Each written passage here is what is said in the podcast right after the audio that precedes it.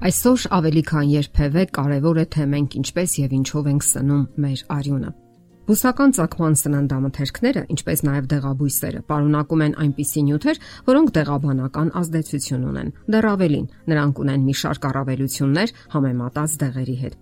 Նրանք կանխում եւ վերացնում են հիվանդությունների հանդեպ հակվածությունը՝ ի հավելումն իրենց բուժարար հատկությունների եւ ճունեն նաեւ կողմնակի ազդեցություն, որոնք հազվադեպ չեն դեղերի դեպքում։ Սննդաբանական տեսակետից առավել օգտակար է երկաթը, որը օրգանիզմ է մտնում մշկերի բանջարեղենի եւ ձվի միջոցով։ Հայտնի է, որ սակավարյունության դեպքերի մեծ մասը առաջանում է երկաթի, ֆոլաթթվի, վիտամին B12-ի անբավարարության պատճառով, որոնց կարիքը օրգանիզմը զգում է էրիթրոսիտների, այսինքն արյան կարմիր մարմնիկների արտադրության համար։ Այդ մթերքներից են լոբազգիները, ոսպը, սոյան, սոյայից պատրաստված մթերքները, կանաչ տերևներով բանջարեղենը, սպանաղ, կանաչ սող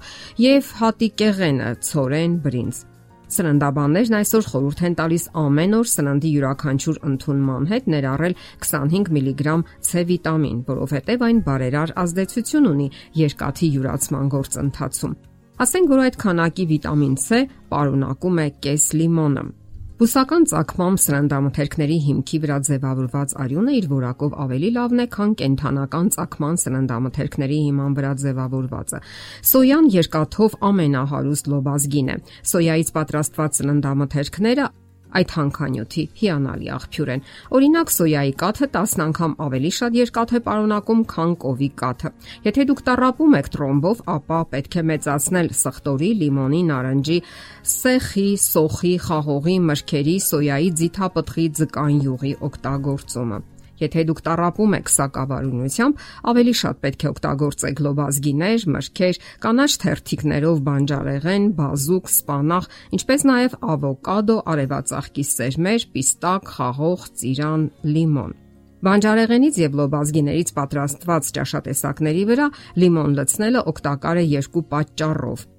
Այն օգնում է, որ ավելի լավ յուրացվի սննդի մեջ գտնվող երկաթը, նաև նվազեցնում է աղի պահանջը։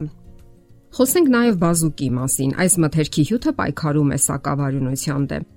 Իր գույնի համար նա պարտական է առանձնահատուկ պիգմենտի՝ բետացիանինին։ Այն պարունակում է սախարոզա եւ ֆրուկտոզա եւ պայքարում է սակավարյունության դեմ։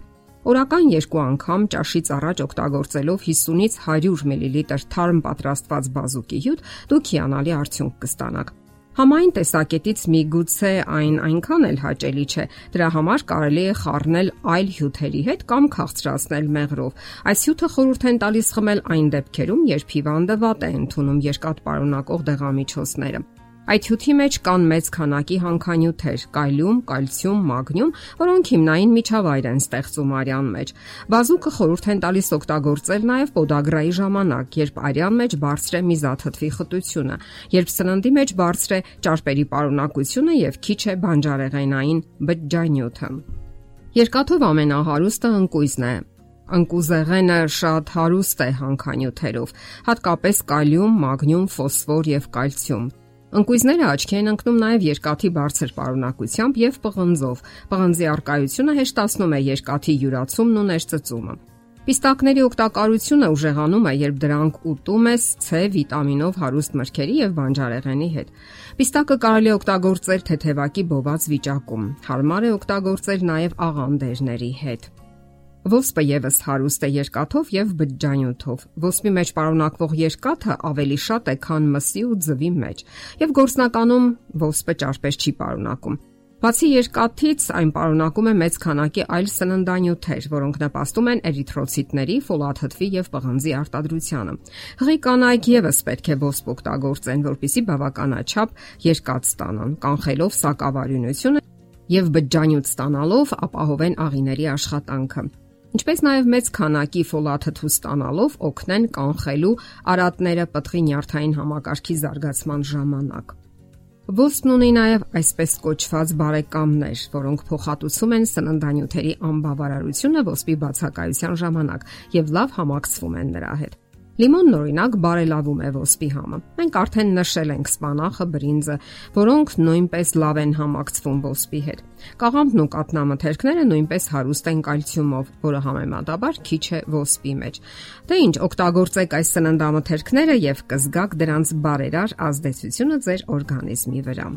Տարածված սխալներ կան մարդկանց մեջ։ Այն մտայնությունն է իշխում, որ մսամթերքն օգտակար է արյան համար, սակայն դա այդպես չէ։ Պարզվել է, որ արյան բջիջների ձևավորման համար շատ ավելի օգտակար է բուսական ծակման մթերքները, քան կենթանական ծակման։ Անեմիա բառի բացատրությունը նշանակում է արյան անբավարարություն։ Այս հիվանդության դեպքում չի արտադրվում բավարար քանակությամբ արյուն։ Հնարավոր են դեպքեր, երբ թաքնված ձևով տեղի է ունենում արյունահոսություն ստամոքսից կամ աղիներից եւ առաջանում է սակավարյունություն։ Նման դեպքերում հարկավոր է դարձյալ ուշադրություն դարձնել սննդակարգին, որpիսի այն լինի բազմազան եւ առավելապես բուսական։ Հետևեք ձեր առողջությանը եւ առողջ կլինեք։ Եթերում է առողջ ապրելակերպ հաղորդաշարը։ Ձեզ հետ է Գեղեցիկ Մարտիրոսյանը։ Հարցերի եւ առաջարկությունների համար զանգահարել 033 87 87 87 հեռախոսահամարով։